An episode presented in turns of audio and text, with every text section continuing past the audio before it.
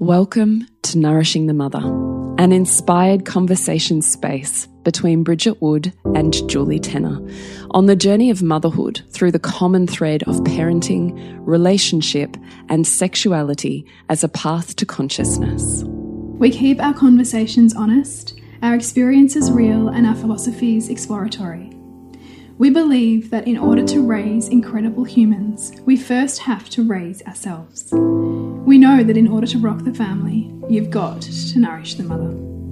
If you are here, you care about paving a path of conscious and intentional motherhood, connected with yourself and your gifts, and also illuminating your children in theirs so we may raise more whole humans who can impact this world in a more humane way. If you desire to integrate your learnings practically and supportively, head on over to bridgetwood.life or julietenner.love to go deeper. And for all live streamed, pre release podcasts and all our free content, head over to our free Facebook group, Nourishing the Mother with Bridget Wood and Julie Tenner. We are Julie Tenner and Bridget Wood, and we are so grateful you're here.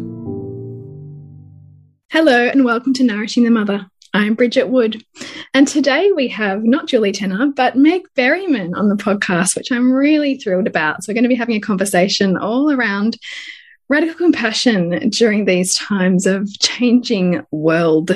And I think it's off the back of our podcast the last two weeks around lockdowns to move into this space with such an amazing woman um, feels really rich for me right now. And I really hope that this is a conversation that deeply nourishes you to our listener. So, welcome, Meg. Thank you. I'm so excited to be here and for us to have a conversation. It's been a little while, so it'll be just nice to catch up as well and yeah. see, where, see where we land. So we're also live streaming this podcast right now into a Facebook group. So if you want to catch the live streams, you can join that group. It's called Nourishing the Mother with Bridget Wood and Julie Tenner on Facebook. So if you want to catch live streams, hop in there.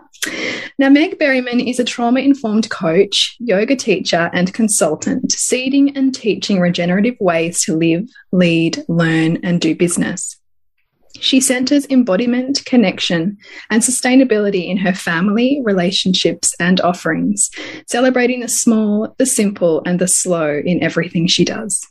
She lives on and is regenerating a small farmlet on Wurrung land in central Victoria, Australia. With her two wildlings, her partner in business and life, Dave, and a whole host of animal friends. It just feels good to read. and I was thinking when I introduce you, I have to say, being is reading your words and being in your spaces feels like such a blessing to my nervous system. Like it just feels like this gentle cloak of I don't know, softness and acceptance. And I think that that's what so many people need right now. You know, particularly those who are listening in Australia, maybe in New South Wales or Victoria, who are feel like they're ricocheting off the walls with, you know, what's going on. And so yeah, I would love to to hear your perspective, your thoughts, what's moving through you right now, Meg. Yeah, thank you. And thank you for sharing that because I think that as an embodied leader, uh, I guess embodying compassion and groundedness and acceptance and inclusion is something that I've worked really hard to do like to, to adopt that posture in my life and in my spaces. So it's really nice to hear that that's what you feel because it's very intentional, I think. And also, of course, the medicine that I've most needed in my life, you know, that absolute radical, unconditional acceptance, validation of how I'm feeling. So, yeah, how am I, how am I feeling and what's moving? It's a, it's a funny time. You know, I said before we went live that I'm noticing how much more attention my self care needs. And at the same time, within that, I'm acutely aware of the absence of collective care right now mm. and and why I'm feeling like there's so much more on me to to have to like get myself to be functional because I think that what's happening is that over the last 18 months, there's been an experience of holding and waiting and just gritting through this.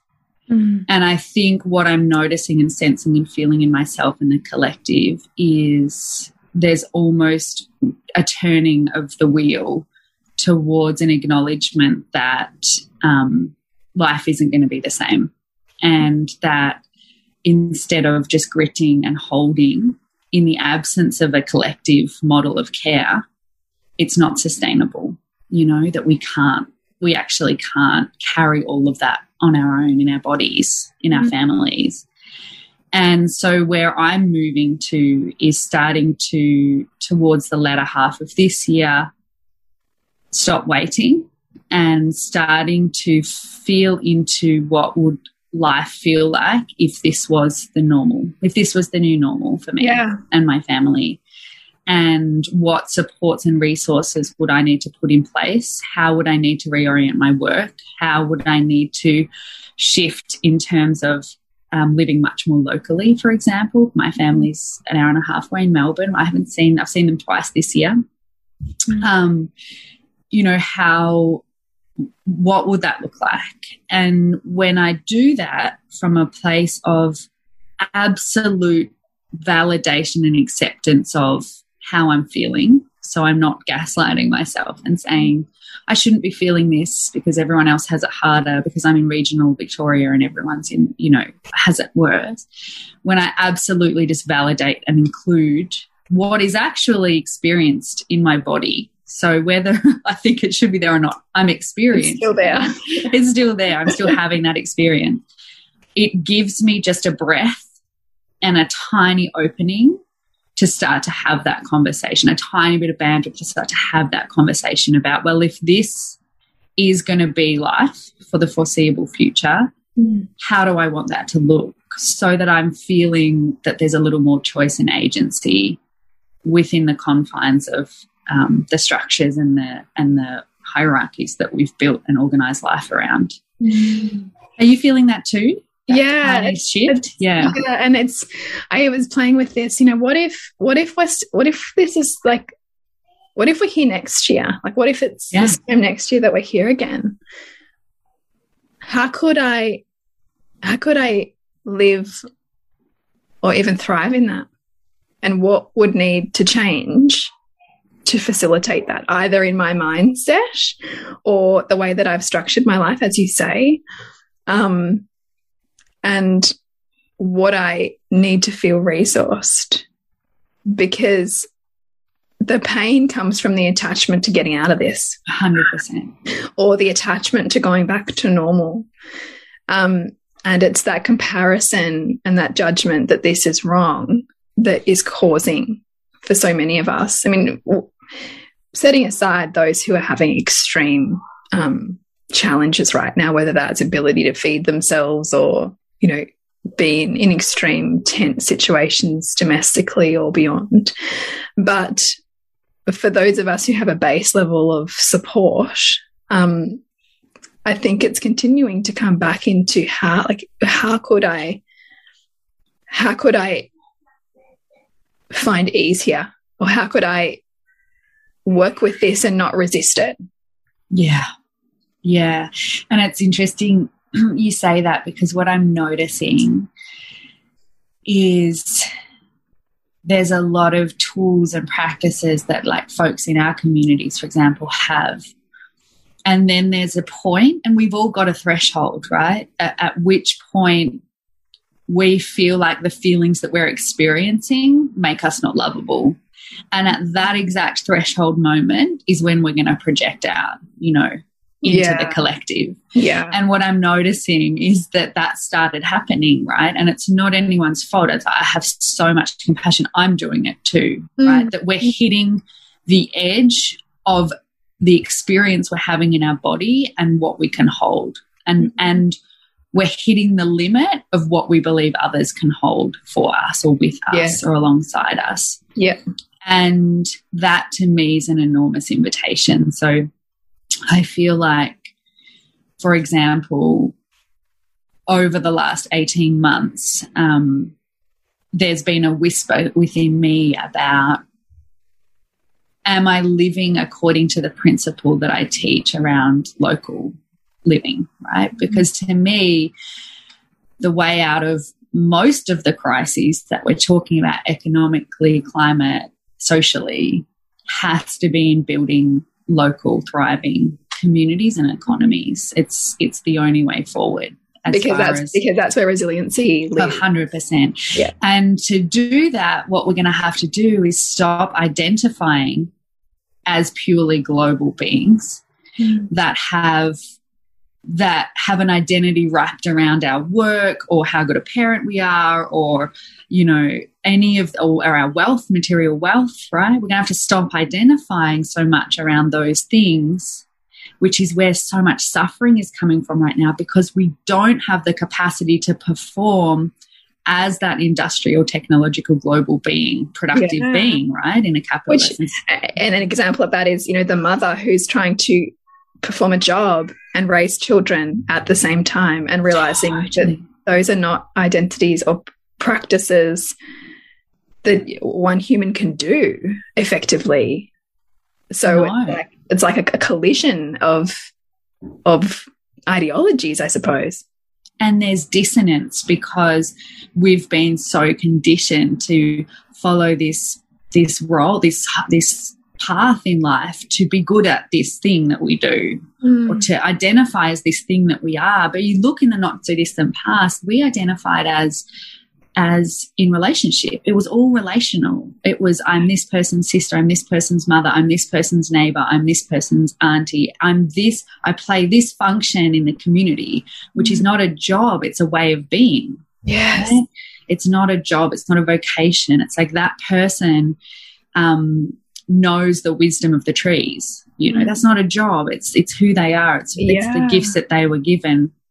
So we also identified as place. We were very place based. We identified as where we lived. We identified with the natural world around us. We were mapping and tracking the seasons according to where we lived, right? It's not to romanticize it or anything. It's just to say that that's 40 billion, 40 billion years of evolutionary adaptation. Mm. That's how we evolved as human beings. And so now we're at this crisis point where the model that we've been taught, which is that to feel good about ourselves, we need to be good, productive, industrial beings. And for women, we also need to be exceptional mothers, as you say, yeah. and carers and be in service to others we can't sustain that because the collective care doesn't exist. Mm. And so there's this enormous crisis of it's actually an identity crisis. Mm. And we're getting so agitated because the things that we've attached to to keep us safe from the fears that we're not lovable or the fears will be outcast or fears will be rejected, those things that keep us safe from that, we can't perform. Mm. And so to me, the only way forward is to stop identifying with those things so much because it's just creating so much suffering and to be like, well, my capacity is not there. So how else can I identify to feel good at the end of the day that I'm enough? Yeah. And to me, that's like, am I putting enough meals on? Like, am I just, is everyone fed? you know, yeah. That's the baseline. am I fed? have I been outside today? Have um, I given or received received a phone call? And it's not about like fostering collective care in terms of like it's a tit for tat thing. It's about do I feel that there is a web of relationship around me, mm. that there is that, that there is resources being reciprocally exchanged, you mm. know, and that's my baseline. And right now, that's enough and we can talk more about all the other things going on in the world and what that brings up but like for you like could that be enough in a day for for mm. for you right now? How does that land with you? Yeah i mean as you're talking i'm thinking like this is like radical self-compassion around the reality that you find yourself in but also like radical self-responsibility around the identities that you that you try to wrestle yourself into or not right now because so much of that pain and i think also the division that we see is simply us bumping into ourselves 100%. and what we're trying to reconcile yeah. and so what we have not or cannot right now integrate we are facing head on. Yeah. And it's all mirrors for mm -hmm. where for where that edge is, for where that judgment is, for where that comparison is, for where that denial is. Right. And mm -hmm. like that feels really brutal. It's brutal because it's also everyone else is having that experience. So what's happening is all the places when we start to get activated or we start to feel that edge of shame or that edge of like um, overwhelm, we will run toward the things that we've been patterned from a very, very young kid to run mm -hmm. towards that, that gives us a dopamine feed or a, or a feeling of safety. And what's happening is we're trying to run toward those things to save us because we're legitimately and and really understandably feeling overwhelmed mm. by the situation. Yeah. We're running towards those things and we run into someone who's just as activated as us and we yeah. can't fall into them and they can't we can't project onto them because they've got no fucking bandwidth either.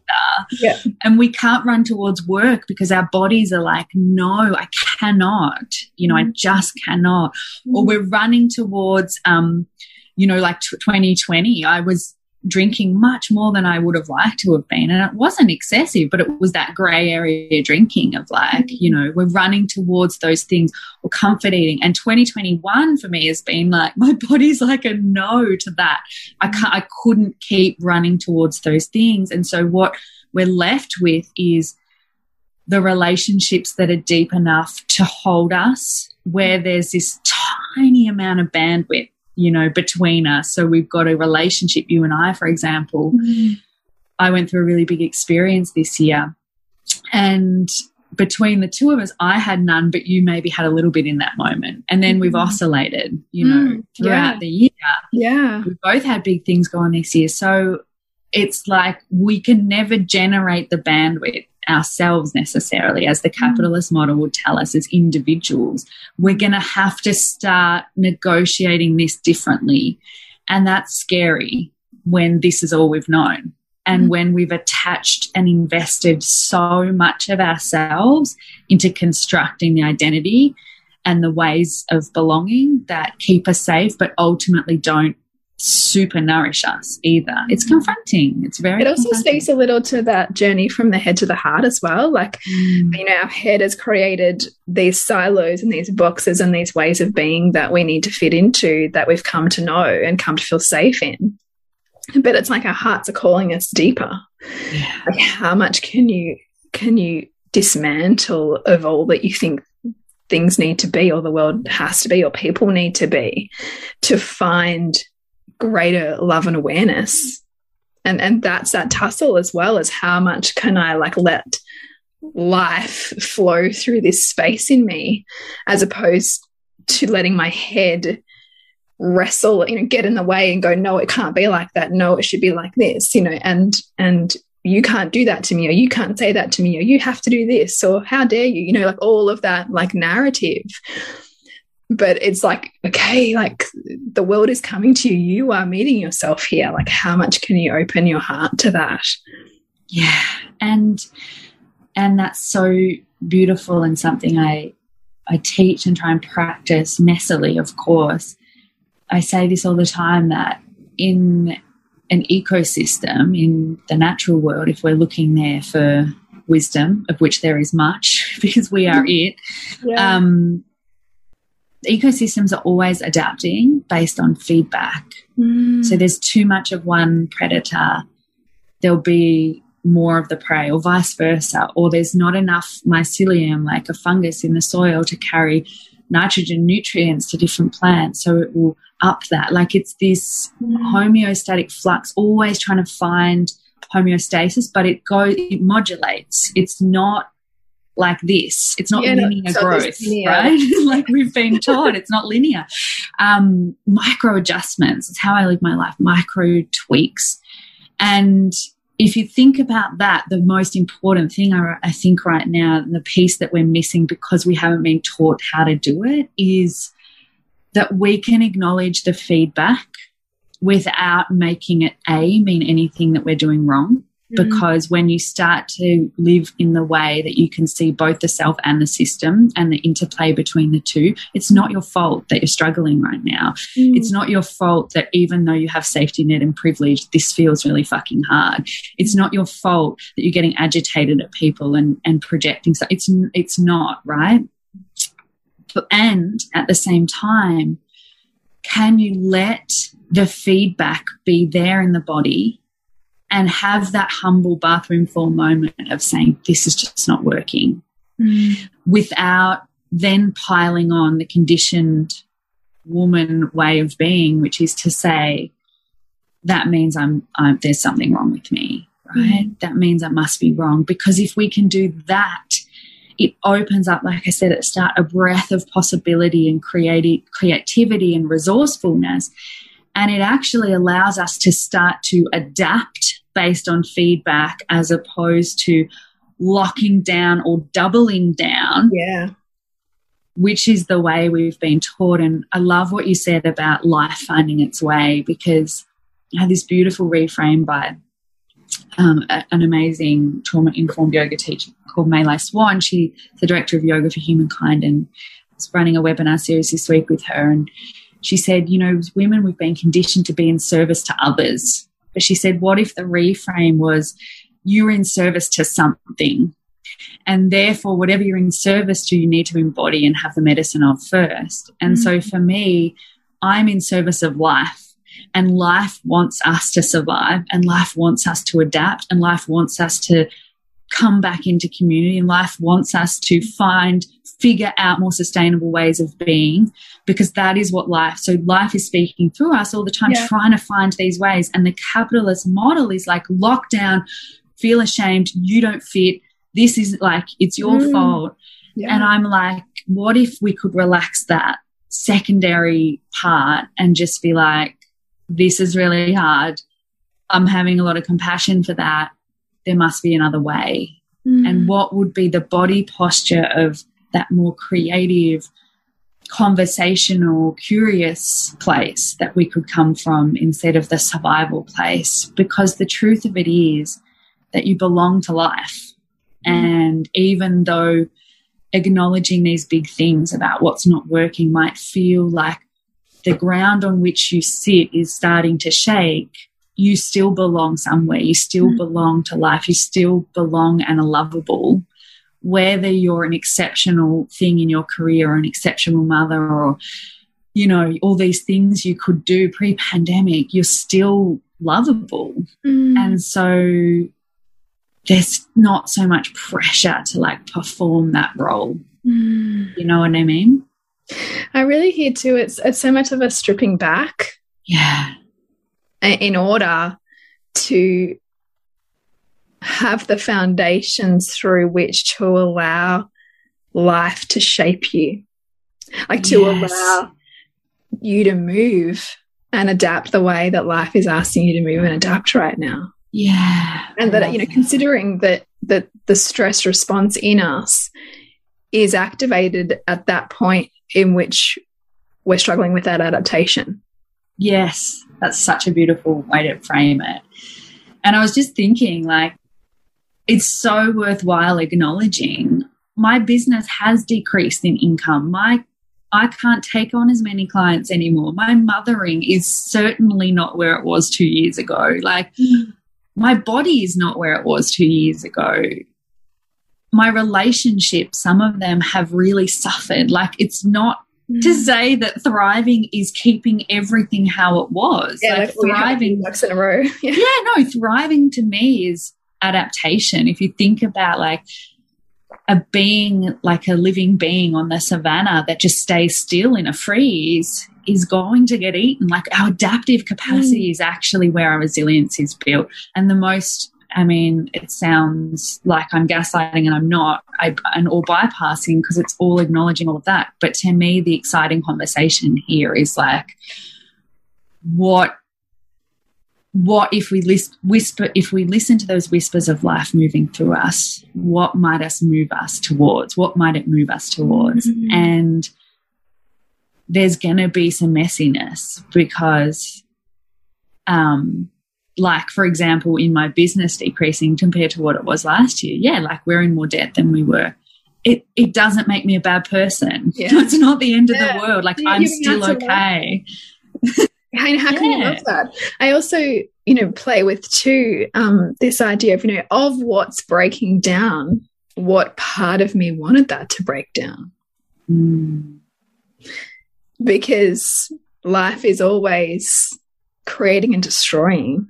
Mm -hmm. And we want to we want to attach to the creation all of the time and the, you know, the shininess and the production and the what we see.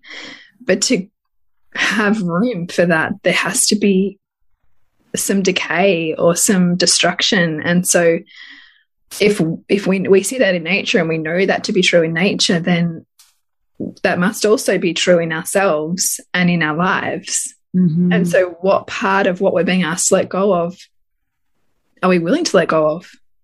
Yeah, and I love that you mentioned that about nature because I think that, like, in nature, there's no waste. So, another concept that I hear a lot is like, if I acknowledge the feedback and the feedback is telling me that actually I want my hands in the soil, what happens to the, like, in my case, nine years I spent at university and 15 years I spent building a career, mm. you know, what happens to that?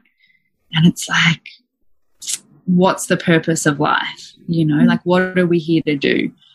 Are we here to experience? Are we here to be in relationship? Are we here to, or are we here to attain a very narrow construct of success that we've been taught equals validation and love as a human being and acceptance, mm -hmm. you know? And that's confronting like mortality, like these conversations with mortality, they're confronting, but it's liberatory to me mm, mm. to to instead of gripping tighter to the identities, to start to soften and be like, what's been composted? And could I not see it as a waste, but could I see it as just compost mm. toward my next becoming, and which is intrinsically tied to our becoming? Because what we're seeing now in so many facets of life is that my well-being cannot come on the back of yours or mm. someone that uh, has grown up in a historically disadvantaged community. Like that doesn't work anymore. It's not a zero sum game. It's not it doesn't work And so we're going to have to decide because I've had a lot of clients I work with and they're like, I want the regeneration and I want to regenerate this. I want to slow down, but I also want to earn this amount and I also want to like have this family and I also want to, and I believed that for a really long time. And it's not to like poo poo that or anything, but it's if you want that, but it's to say, do you really want that? Like, do you really or is there a way of being that you're yearning for and craving that is going to come as we release our grip on these things that we think are going to make us lovable and validated and, and, and accepted? That's such a powerful question. And it's also leading you back. I mean, what you're saying about the, the nine years at university and the 15 year career. And what came to me too was that that was one form of leading and leadership. And totally your form of leadership and leading and teaching and shaping people, shaping lives, shaping the world has just changed form. And the latter is no better than where you find yourself now, even if it may be more celebrated by our culture. Because ultimately, there's so many people who find themselves maybe where, where you are or were in your career who said, My heart's not here anymore and who need to see a way, a different way. And they need like those who hold the light up to that different way. So everything is purposeful, just like the you in the nine year degrees and or the or the career was deeply purposeful for the person who was looking up to you and wanting that. And that's where we can just like I think be humbled by the fact that there's room for all of it. Like you know, whoever you desire to be or, or break down within yourself, there's room for that. It's about dismantling all of the, you know, all of the space in between that that says that that can't be. Mm. Yeah, I love that so much.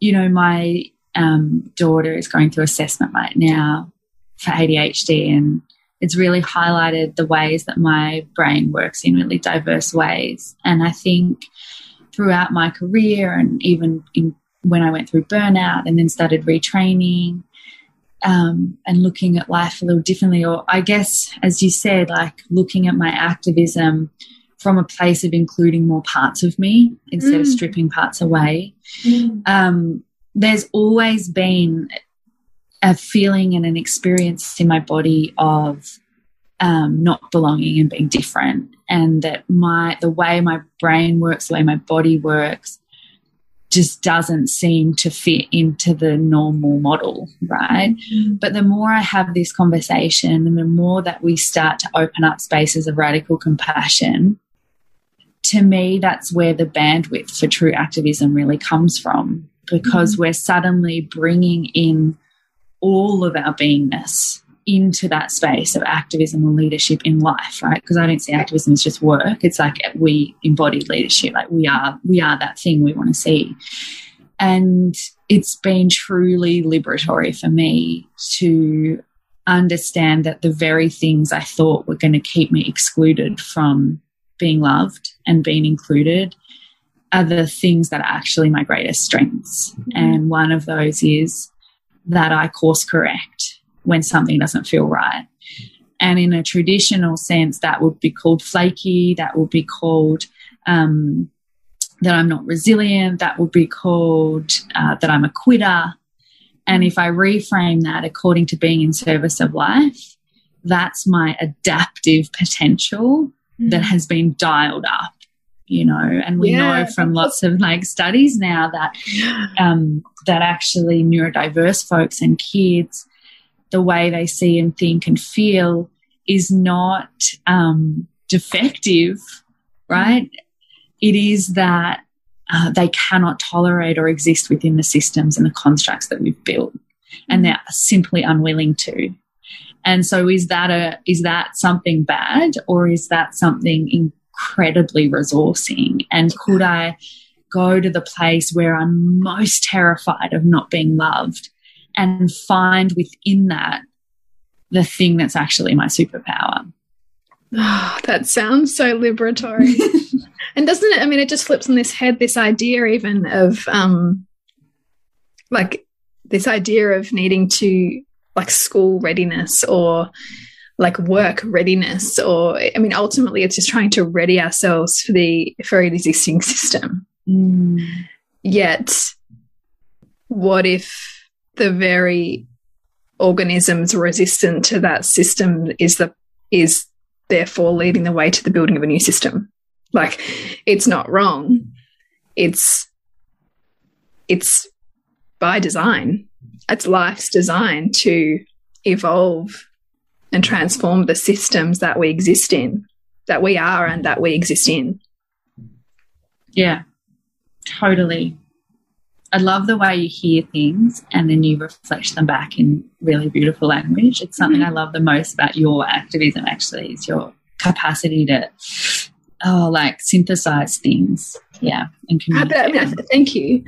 but as, as you're talking and you're, you know, talking about your daughter and thinking so much of what we struggle with as mothers or even just as humans and looking at how we've grown and adapted to exist in the systems and ways of being that we come to know and feel safe in is that part of ourselves is always whispering or pulling us beyond that and saying this way mm -hmm. that often comes up in comes into conflict with everything we've ever known yeah and that's what's happening now yeah Yes. And can I trust, like it's the trust thing, right? Can I trust my kid in this path of unschooling? Can I trust her? Can I trust myself to trust her? Mm. And trust, if you if you trace back trust to like when we're little beings, in my um, family of origin, I was always, which now I understand from a from a neurodiversity perspective, like very emotional. I was labeled the very emotional one, the careless one, the one that was always in a rush, that like, which makes total sense, right, with ADHD brain. But I constantly had what I was experiencing in my body not validated, mm. argued against, or punished. Right. So, what happens if you're saying, I'm feeling this, and someone is as culture does, continually telling you that's not true, that's not true, that's not true, what we start to do is be like, I can't even trust myself. Yeah, because so we I'm, yeah, right. Like if I'm feeling this thing, but someone's telling me actually that's not true because it's um, hitting up against one of their traumas. Mm we just that trust is eroded continuously. So actually to trust life, it's so beyond like just listening to your intuition, right? It's like mm trusting life moving through you is a process of starting at the most minimal level, which is like, I'm thirsty, I'm going to get a drink of water. you know yeah. like yeah. starting at that most basic level of i trust my my myself and i trust my instincts mm. and i trust my feelings. And I think right now, what we're seeing is so many people having so many big feelings with no capacity for anyone to hold them mm. that we're just turning on ourselves and that turning on ourselves is then being projected out mm. we're internalizing that that experience we're having in our body is not valid it's not it shouldn't be there and there's just so much if anything from this conversation like what you're experiencing is valid mm. and you don't need to turn on yourself in order to keep yourself safe mm. you know i love that you don't need to turn on yourself in order to keep yourself safe mm. and there's so there's so many um i think for many mothers who listen to this who really value conscious parenting as well and holding space for their children mm, that will certainly have been tested over the last 18 months but certainly we cannot do that without also practicing what it looks like to hold space for ourselves. And that sometimes one of the hardest things is to how much can you love yourself in in your mess or in your in your resentment or in your anger or in your complete collapse, right? Because so much of us have built our worth and identity on how functional we can be or how much we can serve or contribute or I don't know, appreciate others. And what if, what if you have that day or that week where you really can't look after much at all? Are you still okay? Mm. And are you still lovable? Mm -hmm. And where the point at which you say no is where the work is. Is where the is where the integration of those those unloved pieces are asking to be nurtured. Mm. And it's baby steps, like as you say, it's it's like those those micro movements of yes, I can love that you just want to not get up off the bed right now, or that you're crying and you don't know why. I can I can love you in that without needing to know why or to fix it. Mm -hmm. Much like our children. It is. It's it's it's so revolutionary when I hear your words. I think about what might emerge, you know, because this, make no mistake, this is a generational imprint that we are experiencing in our bodies, in ourselves, mm. our psyches, in the collective psyche. So let's not pretend it's not, because it is. Yeah. And like it's going to change things. I think about what might happen, what might emerge if we were committed and the resources that minimal resources we had were spent there at that edge of mm-hmm. comfort of the places where we're not lovable gosh imagine the parents we would be after that you know? Yeah. And i also think too like if we take a more macro look at this and we and we consider all right well if this is life adapting, the world adapting, growing, us evolving, and it therefore is purposeful, then how is it functional? Like how in, in what feels like dysfunctional, how is this functional? Mm -hmm. And you know, I, I don't I think that this is the most rapid transformation and growth that we've ever seen in our lifetimes and possibly since maybe World War II. There wasn't the level of social, cultural, um, technological, ecological kind of transformation um, until now, really. And so then when I find myself like getting angry at like the news or at the mm. government or at whatever people, I say to my husband, I'm like, you know, like back in the war, like how far do you reckon it got people to be angry at the government being in the war? Yeah.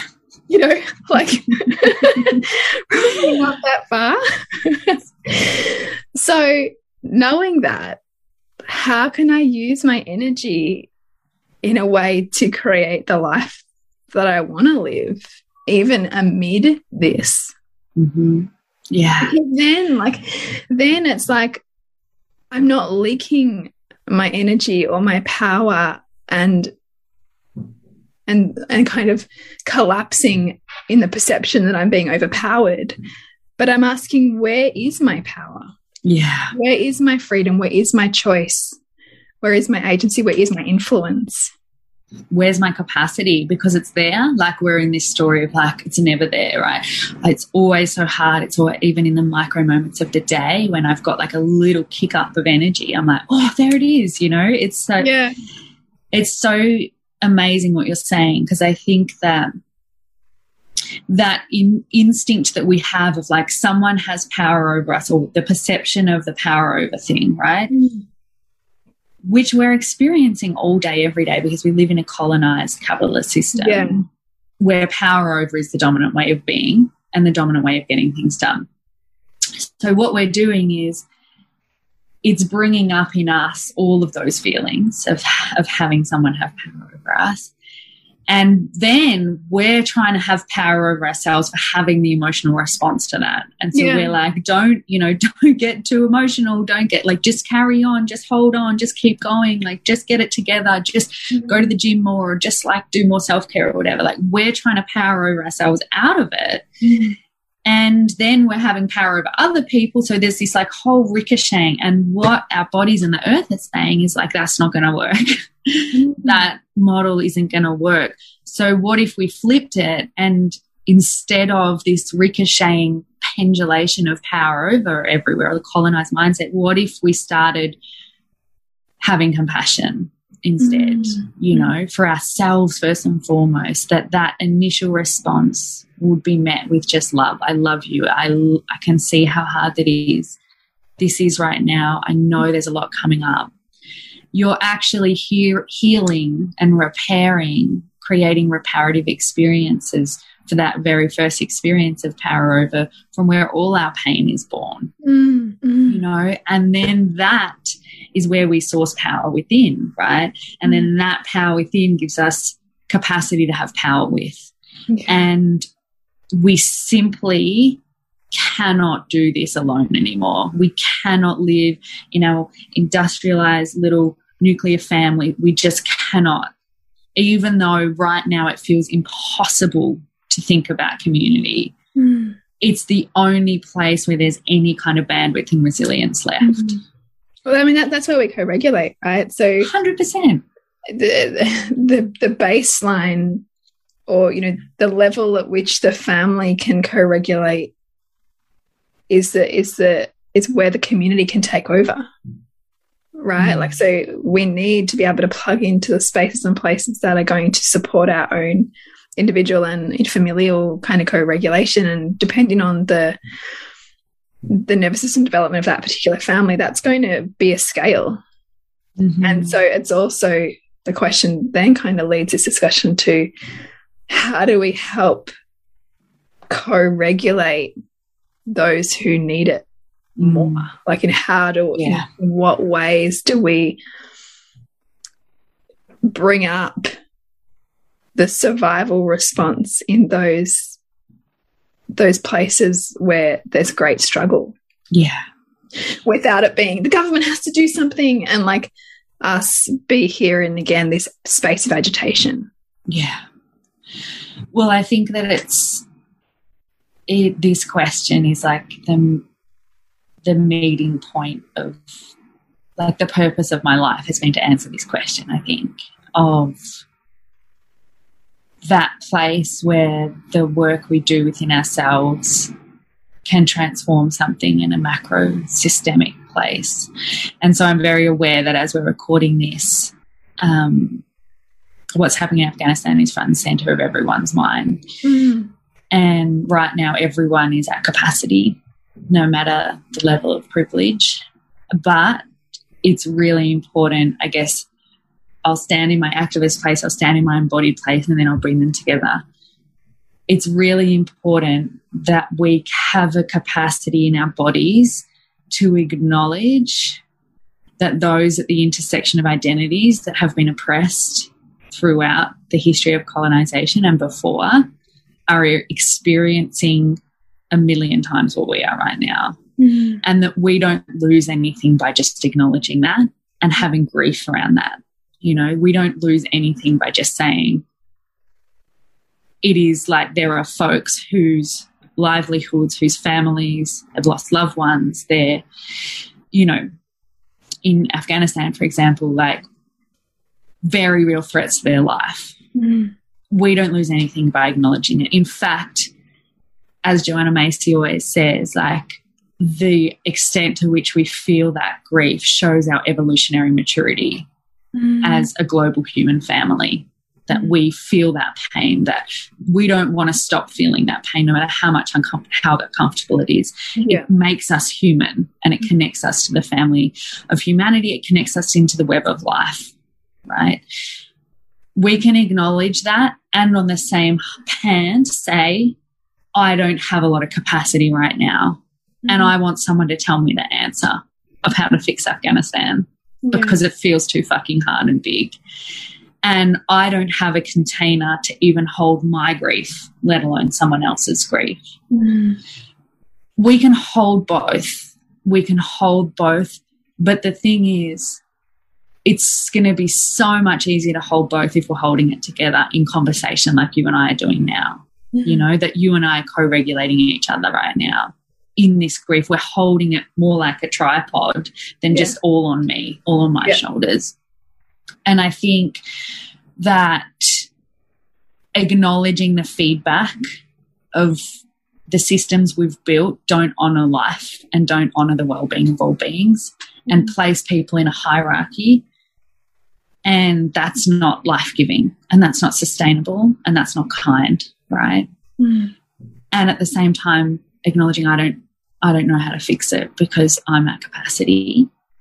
It opens up a tiny space for like questions, really good questions. Mm. If I did have a tiny bit of bandwidth today, who could I have a conversation with? What podcast could I listen to? whose post can I read on social media, that I can hear the voices of those Afghani women, mm-hmm. that I can really understand and pendulate into that grief so that I'm building resilience to hold more of that grief. Mm-hmm. Because actually, if we really allowed grief to have its full cycle in our body, and we wept and we cried and we wailed and we tantrumed, it's the beautiful moment after the ugly cry in the shower. Mm. There's resourcing available. There's like creativity. There's connection. Mm. There's co-regulation. But we're kind of like, I don't want to even look at it because there's all this other grief piled up. We can't do this without falling apart. We can't do this without showing the ugly, messy, human bit of the composting cycle, the mm. death cycle. So for me, I'm working on a post that at the moment. What can I do about Afghanistan?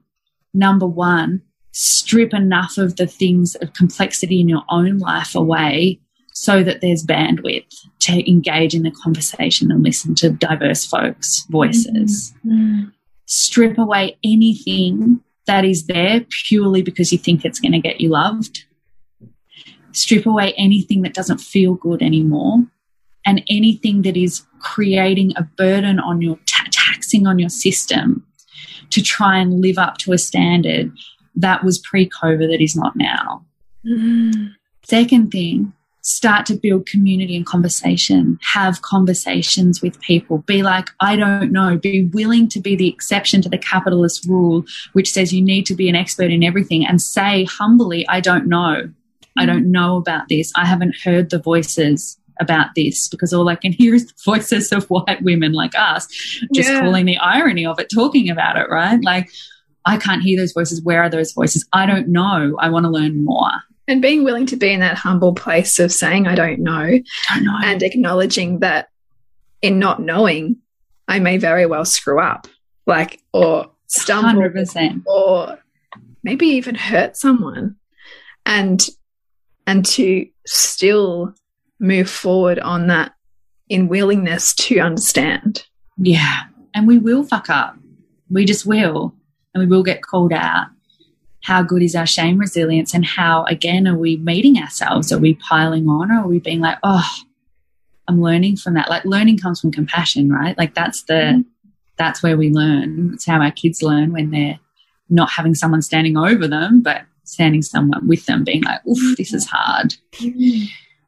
And then the third thing is that embodied activism really comes from um, gifting yourself the medicine first, right? Like what's happening and, and in when, the way that I grew up in activism was that it was all righteousness and fire and not a lot of embodiment and compassion, particularly for self. Um, and there's a place for that, you know, like you and I have talked about this before too, right? Like I love I love the 20 year old me that's standing yeah. up there with a megaphone, you know, in the back of a ute in the CBD. Like I love that me. But she wasn't humble and she wasn't able to be in liminality and she wasn't into nuance and she wasn't yeah, uh, everything you're saying is me you know like self-righteousness. Gosh i think at one point i said people people shouldn't be allowed to vote if they don't know what they're like voting for. Like you know i think i said something like that you know and being so sure of yourself right? Mm -hmm. yeah. We, we, we need those people but also the, the the maturity i think comes in going fuck there's just so much i don't know. Yeah. And and the sustainability of it for me right? So mm-hmm. like let's call a spade a spade. What's happening in afghanistan what's happening globally what's happening with climate are all examples of power over and toxic capitalism and hierarchy and exclusion and oppression gone haywire, right? Like just mm. gone to the extreme. So if I want to play the long game here, who am I accountable to? Well, I'm in service of life. I'm accountable to my granddaughters, granddaughters, granddaughters, granddaughters, five mm. generations. That's who I'm accountable to. Mm. So I might not be able to humbly save every woman in Afghanistan. But what I can do is fundamentally live my life in a way that challenges systems that exclude and oppress others, mm. right? That I can live and it, to the best of my ability in a messy way because I still have to exist within the systems. Yeah. We're not going to change anything by tweaking the existing it's we're talking about radical transformation to come mm. back into connection with ourselves with the earth and with others radical transformation that starts here mm. right so if i'm accountable to five generations from now it's not to say that it doesn't kill me and like i don't grieve and cry for the women in afghanistan right now and i and i try to listen and i try when i have bandwidth to do what feels sustainable and what feels aligned with my values mm. and what and I try and do it in community right all of those things are really important but I'm also acknowledging that the time frame on this is is really long. Mm. and we can either look at that and get overwhelmed and do nothing and go into a collapse or a freeze or we can be willing to have conversations like this or to listen to conversations like this. Or we can be willing to ask really good questions, or we can be willing to challenge the insidious ways that we're being oppressed and oppressing others in our lives mm. with compassion. Yeah, and and as you say, like when you're talking about that generational imprint or impact, to also not demonize power over to the point at which we cannot sound it within ourselves, because mm whatever we run from, we're going to run into, and whatever we judge, we will breed or attract or become. Like, so there's also that dance of knowing that, yes, my values and my practice and how I want to live my life lead me away from those systems. But I also recognize that millennia of human adaptation means that that's still going to be part of my nervous system for as long as I live, for as long as my children live. Like, you know, it's going to take, we can't just flip to what no. is this 5D consciousness and be all like loving and accepting and holding of space. No. It's not going to happen. No. So, we, so part of our growth is loving into the behaviors that we witness that we don't like and that we are that we don't like. Mm -hmm. Because yeah, we, don't, we don't become this other thing by denying all of these other parts that we make bad. We become that by integrating those and going, oh, okay, I know that I get like that when. Mm -hmm. I know that other people see me like that. Like, so I am what I witness in the world. And I can yeah. pay the new way without going, that's all wrong. Because it's yeah. a denial of my humanity to make all of that wrong. Yeah. But it's about how and where do I want to lead with what I am integrating, yes, what I am visioning. Mm, I love that. It's I love that nuance. Thank you for bringing that back um, into that place. It reminds me of um, there's a lot of talk in the regeneration space of how regeneration differs slightly from environmentalism, right? Like, but I take regeneration more holistically than just environmental stuff. But environmentalism as a activist kind of pathway centers the human as bad and says we're wrong, we're bad, and it's inherently kind of a shame based, like power yeah, over dynamic, right? It's yeah. like we did wrong, we're terrible, like blah, blah, blah. But actually, regeneration would come from the gift and the lesson and the medicine that we need to create regeneration and in, and support our environment is that humans remember our place in the web of life. Mm. But we only remember that when we've walked so far away from it that we're getting that yearning and that instinctive drive back into it. And so regeneration says humans aren't bad or wrong or inherently nasty or evil, right? Mm. Humans have a place in the web of life. We just forgot it. Mm. We, you know, if you think back to not that long ago, we were stewards. We could support the land and the animals. We could rotate them. We could, we had wisdom that we could work with the land as stewards. Humans have a place. It's almost like when we put humans at the top of that pyramid, yeah. we forgot that we have a place, right, to, to do this, that we're not separate from, we are. And so that what happens when we come from that place that you're talking about, it is radical compassion because it's mm -hmm. saying there was a reason we came here. Um, we had to come here in order to ricochet to a different place mm. and that that can that all be compost too right like can that all be mm. compost too mm. And to not kind of shoehorn your way into a new way of being that says that everything that came before that was shameful. Yeah. Well, it's that is that is actually part of the problem, right? That we're like, oh, don't like that bit, like shafted off, start again. Like that's what capitalism does. It's like, mm. don't like that, start again, get a new thing. That thing's broken, get a new thing, right? Yeah, but actually, yeah. it's this nuanced path of like everything belongs, mm. everything is included and that's the most radical act of compassion. It really is, isn't it? Because mm. it's like, well, I look at what everything that I've been told to cast out and then go, where is its place here? Mm. Yeah. Oh, maybe I could talk to you all day, but, but we will need to, to wrap up this conversation.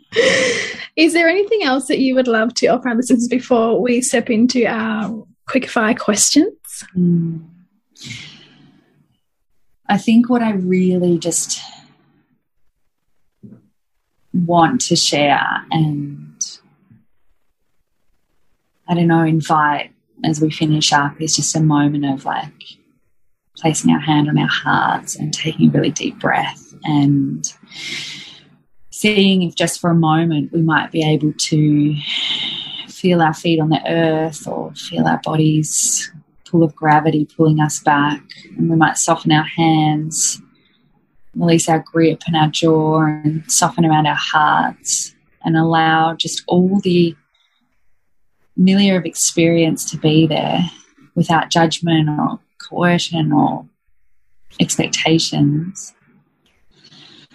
And if we could just feel the beat of our heart and feel the pulse of life within us,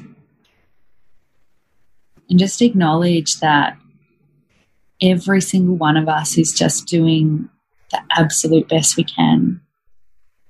That there's enough torture and pain and grief right now that we just don't also have to turn on ourselves. That this living, breathing pulse of life that's within us, that we are lovable purely because we exist in all of our messiness, in all of our humanity. This living, breathing thing, like we exist, and therefore we are, and therefore it's enough. It's just enough. And if we can practice this embodied experience of sufficiency, my hope is that it inspires creative and courageous and loving action. And whether that comes tomorrow or in a week or in a year, that that's enough too. And I just really want to offer just the depth and the well of compassion and just grace for our humanness. Mm. Yeah. Thank you. That's beautiful. Oh, I feel that. Thank you. So, I would love to ask you, Meg, can you recall a time in your life when you experienced immense challenge and turned that wound into wisdom? And can you share with us briefly your experience and that wisdom? Mm. I think it ties into what we're talking about. Um, I had a miscarriage in April, or the end of April this year, start of May. I was 12 weeks pregnant with our third, very wanted, very loved baby, and um, and I found out that the baby had died, and it was this really interesting experience of. It's like when you experience something of that magnitude, the only place that you can go is toward the self. Mm. Because you're in so much pain that it's excruciating for you to go to that normal response of piling on and shame and, you know, belittling and like gaslighting. Like the only place that I could move was toward myself. Mm. And it allowed two things. The wisdom was, was twofold. One, everything in my life for a few weeks after that was simplified to the point where there was just pristine presence in relationship and in my family. And it was the most reparative experience to feel enough because I had given myself the grace because of the depth of trauma that I had been through. Like it took that for me to be like gentle with myself mm. and to mm. release the expectations. It took something so profoundly difficult for me to give myself permission to, to stop and step back. And I learned from that that I don't want to have to go through those things in order to give myself compassion, in order to give myself space and love and slowness and things that we all just desperately yearn for anyway. Mm. You know, like could I could I take the neurons that from that experience and amplify them so that I, that that visceral memory is not just a response to catastrophic grief, but is a response to anything that's like mildly challenging. Um, it's like when yeah. life cracks you open in that way and so rapidly kind of dismantles everything that you thought you had to be. Yes, that's it. Mm. And all of your identity, right, collapses because in my head, I was already a mum of three. I was, you know, had been working towards that, had been through such a big journey to get there. Mm and so in the in the one identity crumbling, all of them do because you can't work. And I um, I have hyperemesis pregnancies too, so I've been so sick. So much of my identity had, had already come undone that in that place where there's no sense of who you are left is mm. actually when you find the truth of who you are. Yeah. You know? It's the paradox. God. The paradox. Mm -hmm. The other thing, though, is that I had to fall into people, and I've always been able to keep myself safe in relationship. Mm. And I fell into the people that I've trained and that I've coached and that were the supports from my business system. Like it was the first time my business really supported me in that way, in a relational way. And it just made me even more committed to, to orient my life around connection and relationship, mm. knowing that that is true. Like I have that embodied experience of that's where resilience comes from. Yeah. Yeah. Yeah. Thank you for sharing that. I know it's a really painful time to share. Yeah. The books that you feel everyone should read in their lifetime, or what's been most influential for you, what would you give a woman if you could give her one or two books? Mm. so many. I know it's a really hard question. It's a really hard. I'm just looking at my bookshelf. I think that um, any of the work around mindful self-compassion. So mm-hmm. Neff's work, even Pema Chodron's work, Thich Nhat Hanh, like any of those books and practices, Tara Brach's practices, like the somatic self-compassion work has been the cornerstone of my business, my activism, my parenting, my everything. Mm -hmm. And even when I think I've studied it and I've got it, I don't. you know, like human. because the wiring is so the wiring to not be compassionate with self is so strong. Yeah. That it's like a lifelong practice. And I think I'll keep coming back to those authors and those texts for as long as I live. Mm. Because they're just like we've talked about edges and edges and edges and edges and edges that you will always meet of that's the place where I'm not lovable anymore. Yeah. Tara Brach says, when, where did you turn on yourself? And I love that question, like tracing back, like when was the moment I hit that limit and I turned on myself? Mm.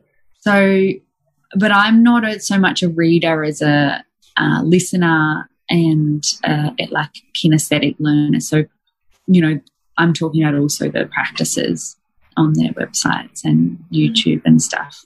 That's how I've embodied it more than reading it. Mm, I love mm. that. And if you could take a billboard, if you could have a billboard anywhere on a superhighway, what would it say? I'm not very good at like short phrases.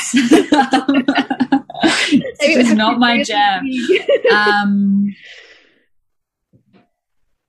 just say I love you. Mm. Just say, I love you. I think ultimately the biggest wound, like I'm getting emotional as I talk about it, like the biggest wound, the biggest misunderstanding that we've organized our lives around is that, um, is that we weren't loved or we're not loved, you know? And so much pain comes from that misunderstanding. So if I can help someone remember that sometime they were a little tiny baby that was cherished and loved and wanted and looked at and gazed at with absolute adoration. Like if we all could remember that, I think I just think life would look really different, you know. I really feel that. Yeah. Mm. Thank you so much for this conversation, Meg. It feels so enriching, and I hope that has been for our listeners too. Where can people find you? Thank you. Yeah, so I'm mostly on Instagram um, at Meg J. Berryman. And I have a podcast too called Regenerative Life. And um, we've just released our tiny course, which is called Small is Beautiful, and, and outlines a lot of the principles that we live our life through. So, soil and soul, and community, and compassion, and um, embodiment, a lot of the things we've talked to today. And we love it. It's a great place to start introduction mm. to this mm. work. Beautiful. Such sounds like a great offering. Thank you, Meg. Thank you. Well, to contact me, it's bridgetwood.life. To contact Julie, julietanner.love. You can find us at nourishingyourmother.com.au. Remember to nourish the woman to rock the family, and we'll see you next week when we continue to peel back the layers on your mothering journey.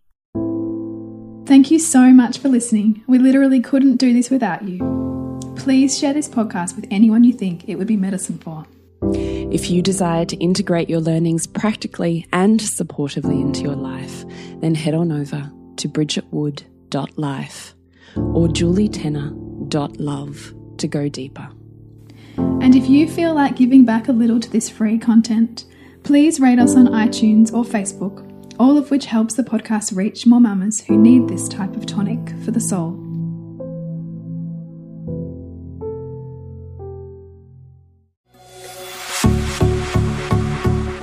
This has been a production of TheWellnessCouch.com. Check us out on Facebook and join in the conversation on Facebook.com forward slash The Wellness Couch. Subscribe to each show on iTunes and check us out on Twitter. The Wellness Couch, streaming wellness into your lives. Whilst the Wellness Couch presenter endeavor to provide accurate and helpful information to their listeners, these podcasts cannot take into account individual circumstances and are not intended to be a substitute for health and medical advice from a qualified health professional. You should always seek the advice of a qualified health professional before acting on any of the information provided by any of the Wellness Couch podcasts.